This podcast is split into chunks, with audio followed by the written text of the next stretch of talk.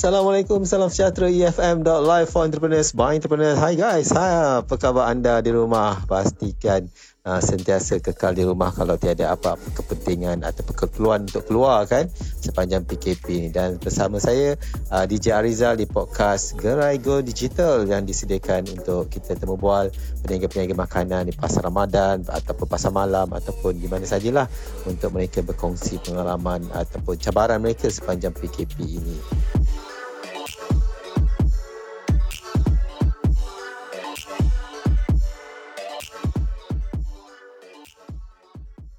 Alright dan seperti biasa bersama saya seorang lagi tetamu saya di talian. Uh, saya tak bolehlah jumpa dia sebab PKP kan. So saya telefon lah.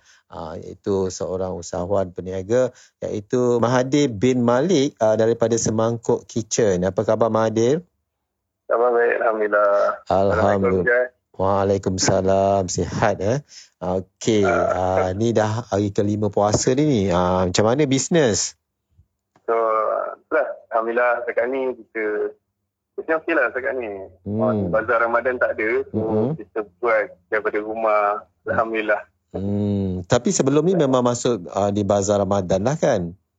Hmm. Sebelum ni kita buat kat Bazar Ramadan Kat mana tu? Dia PKP ha, Dekat USJ 4 USJ 4 Okey dan uh, bila PKP ni sekarang buat daripada rumah Dah berapa lama dah berniaga uh, Semangkuk Kitchen ni?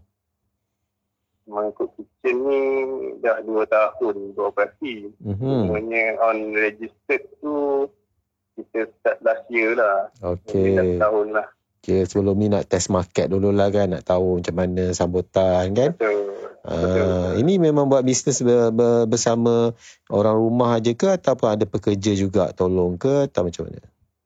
Uh, actually kita buat daripada rumah mm-hmm. saya dengan wife lah mm-hmm. buat dari rumah mm-hmm. dan pekerja tu ada cuma untuk delivery sahaja oh. kita hire delivery Mahdi buat full time business ni ke ataupun ada kerja lain uh, saya ada kerja lain wife saya lah full time Okay, berapa wife saya rumah so mm-hmm. dia buat full time kat rumah lah hmm. Mahdi ber- berapa umur sekarang sekarang 34. Oh, muda lagi. Tak dia. Boleh lah. Boleh lah kan? Pertengahan. Okey, uh, nak tanya ni, ni dulu pernah masuk dekat Bazar Ramadan kan? Sekarang ni dah mas, tak ada Bazar Ramadan. Dah duduk rumah, buat daripada rumah kan? Nak cerita, tanyalah dengan Mahathir. Apa perbezaan dia? Pasti ada perbezaan ketara kan.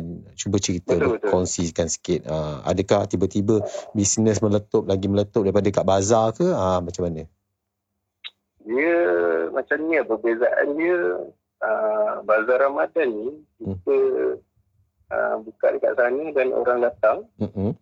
Memang seronok tu memang seronok lah. Ramai hmm. semua kan. Hmm.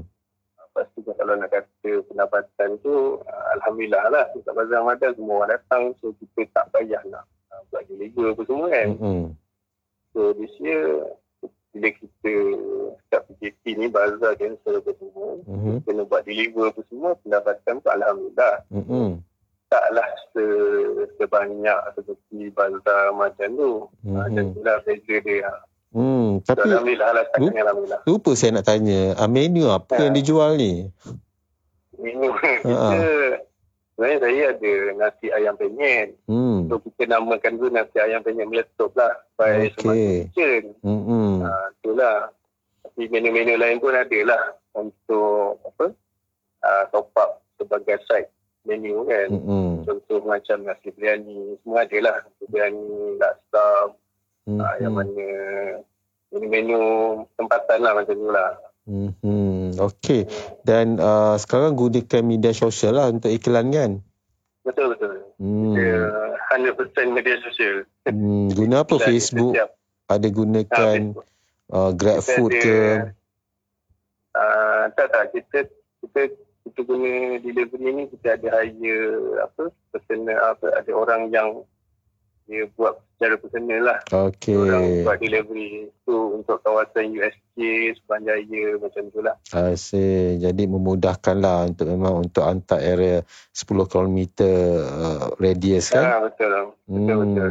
Okey, faham. Yang mana yang registered lah, yang ada surat apa semua tu kan. Hmm. Yang tak ada surat, kita tak hire lah. Yelah, risau pula kan. Surat. Hmm. Betul betul. Takut kena tahan nanti makanan tak sampai. Uh, uh, kan. Okey dan uh, pastinya biasanya jual satu pack tu berapa? Uh, nasi ayam penyet tu. Uh-uh.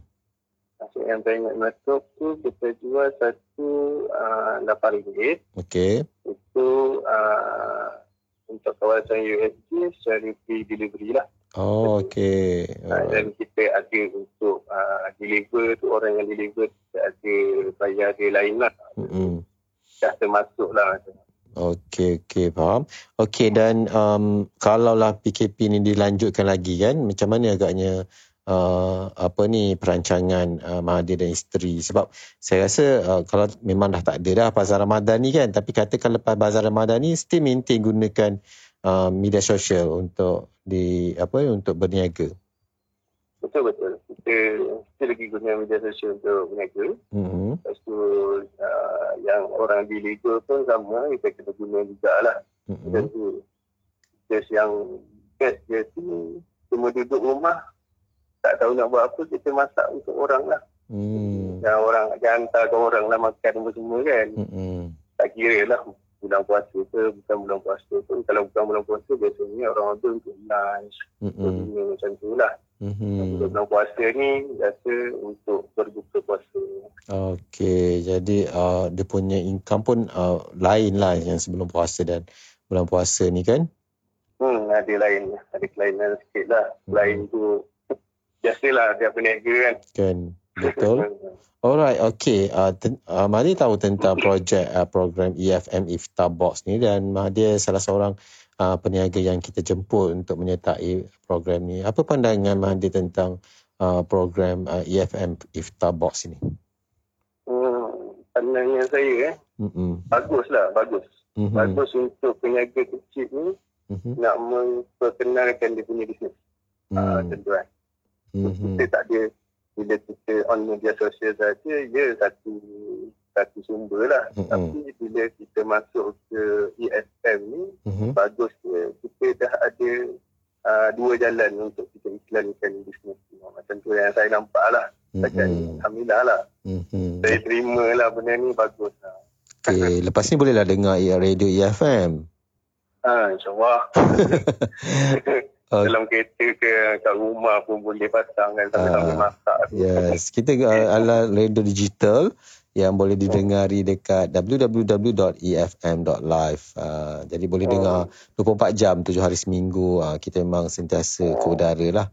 Kan? Alright. Okay, nasihat. Uh, nasihat uh, daripada orang muda ni kan. tentang uh, apa ni pada peniaga-peniaga gerai makanan yang lain yang mungkin agak terjejas lah sepanjang PKP ni. Apa nasihat Mahathir?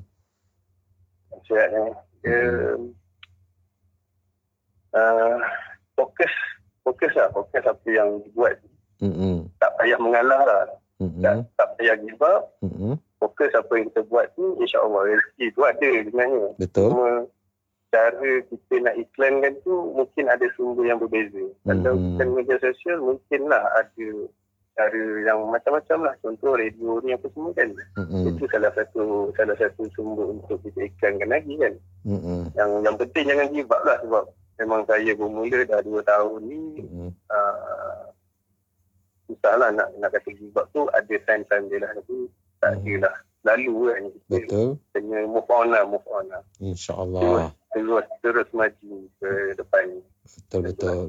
Dan uh, yang penting kita kena ada semangat tu tak boleh tak boleh luntur lah kan bila berniaga ni. betul betul Biasalah Betul. dugaan dia macam-macam kan. Tapi yang penting ha, dugaan dugaan bulan puasa ni satu tu lah kalau nak masak ni bulan puasa kita tak boleh nak rasa kan, Kan. Ha, itu yang kita kena ada SOP jugalah SOP masak tu macam mana sekatan-sekatan dia Mm-mm. kita apa standardkan dia punya rasa apa semua tu kan Mm-mm. Tentu yang Betul. saya buat lah Mm-mm. Alhamdulillah setakat ni semua yang customer pun puas saya Hmm. Saya okey lah bila customer puas hati tu rasa gembira lah kita sebagai peniaga kan. Betul. Kita dah tahu customer ni okey ke tak okey. Ya, macam tu lah yang saya gembira lah gembira. Yelah kita dah. Kata, dah apa semua kan. Mm-hmm. Janji janji pelanggan kita puas hati. Dia betul, betul. rasa apa apa yang kita beri pada mereka tu uh, sesuai lah dengan apa yang mereka bayar kan. Betul. Alright. Okay. Uh, kalau lah pendengar-pendengar EFM ni nak order makanan, uh, nak order nasi ayam penyet ni. Uh, macam mana mereka nak hmm. order daripada Mahathir? Uh, boleh boleh WhatsApp saya mm-hmm. ataupun uh, saya ada IG Semangkuk Kitchen. Mm-hmm. Uh, IG, dekat IG ada Semangkuk Kitchen. Ada nombor phone saya juga. Boleh WhatsApp terus ke saya lah. Mm-hmm. Kita ada Facebook pun ada Semangkuk Kitchen. Mm-hmm kita ada dua dua tu lah Facebook Semangkuk Kitchen, mm-hmm. IG Semangkuk Kitchen dan uh, WhatsApp saya pun ada link link WhatsApp nombor phone saya 013-321-1670. Okey, bolehlah kalau teringin tiba-tiba nak buka puasa ni kan. Ah, hmm, teringin nak makan nasi ayam penyet. Dia kena ada satu hari awal ke ataupun ada limit time nak kena order ni macam mana? Uh, biasanya kita close close order untuk bulan puasa ni pukul 12 tengah hari okay. untuk deliver hari yang sama. Okay. Tapi sebaik-baik ini order sehari sebelum lah. Mm-hmm. Macam tu. Mm-hmm. Tak adalah order last minute. Kalau last minute kita Kelang kabut kan? Nak, nak, ah, nak, ban, apa, nak bagi orang suka tapi itulah jadi kelang kabut jadi rasa macam tak sedap pula bila orang tak dapat nak rasa macam tu lah. Betul betul kan. uh, tapi uh, kalau nak order tu uh, kena beritahu awal lepas kalau boleh uh, ada limit tak ordernya? Mesti kena ada dua bungkus. Uh, uh, uh, biasa kita ambil minimum dua dua bungkus lah. Dua bungkus lah. minimum. lah. Hmm, uh, so, jadi uh, apa ni kalau siapa nak order tu kalau tanyalah kawan-kawan duduk bujang tu tanyalah kawan-kawan kan uh, boleh lah. Hmm. Ha, ataupun boleh bungkus sekali untuk sahur. Why not? Kan? Why not? Boleh dua, dua bungkus, satu bungkus, satu sahur. Ah, kan? ah, so, jadi boleh. Dan portion dia tu, Alhamdulillah. Portion dia memang portion untuk uh, apa? Memang portion untuk orang satu makan lah. Macam mm-hmm. Alright, okay. Dan apa ni kalau kalau anda nak teringin nak makan nasi ayam penyet meletup ni, ah, boleh pergi ke uh, IG ataupun Facebook uh, Facebook uh, Semangkuk Kitchen dan uh, bolehlah order di sana ataupun di WhatsApp nombor yang diberikan oleh Mahathir tadi. Betul. Alhamdulillah. Alright dan uh, terima kasih Mahathir di atas perkongsian tersebut. Banyaklah kita kongsi hari ni kan. Uh, dan hmm, ya. saya dan EFM doakan Mahathir dan isteri dan bisnesnya uh, Semangkuk Kitchen terus maju jaya di bulan Ramadan ni. InsyaAllah. Kan? Dan selepas Ramadan juga. Ni uh, cuti ke uh, cuti apa bila PKP ni cuti kerja? Maaf. Uh, oh. Hmm, apa bekerja daripada rumah. Oh memang. So alang-alang tu bolehlah dua kerja dalam satu masa. Ha, boleh luangkan masa bersama keluarga juga kan? Betul. Sekali hmm. jalan. Sekali jalan. Semua serentak. Okey. layan anak, masak, semua layan. Buat tak apalah sekurang-kurangnya. Inilah masa untuk bersama kan? Betul, uh, betul. tidak orang ramai orang bandar ni kadang-kadang keluar gelap balik gelap kan betul Mahdi kerja dekat area mana saya dekat Bangsa Ui jauh juga tak jauh tapi kerana jam tu kadang-kadang boleh, betul. boleh tahan tu. juga kan betul oh, jam tu yang tak tahan tu alright Okay Mahdi terima kasih kisahlah pada orang rumah Uh, dan uh, saya uh, apa ni uh, doakanlah uh, supaya PKP ni akan sama-sama kita doa supaya PKP ni dapat di, apa, ditamatkan dengan segera COVID-19 terhapus di muka bumi Malaysia dan dunia supaya kita boleh nikmati kehidupan kita seperti biasa semula. Hmm, betul, betul, betul. Alhamdulillah. InsyaAllah. Oh. 来。来 我 Okey, dan kepada anda semua untuk makluman EFM Iftar Box juga turut mendapat perhatian dan sumbangan-sumbangan daripada usahawan dan juga orang perseorangan yang membeli pack-pack makanan untuk disumbangkan kepada golongan yang memerlukan seperti anak-anak yatim, asnaf dan sebagainya. Moga mereka dimurahkan rezeki dan terima kasih daun keladi uh, tak terhingga untuk mereka hanya Allah sahaja yang dapat membalasnya. Dan kepada anda yang ingin mendengar EFM, uh, radio EFM boleh mendengar di www.efm.live. Kami ke udara 24 jam sehari, 7 hari seminggu dengan pelbagai segmen rancangan-rancangan yang menarik dan pastinya lagu-lagu yang diputarkan juga popular dan menarik. Okey dan kepada anda teruskan bersama saya DJ Arizal di segmen-segmen dan juga podcast-podcast yang lain lain hanya di fm.live for entrepreneurs by entrepreneurs. Assalamualaikum, salam sejahtera. Kita jumpa lagi. Bye-bye.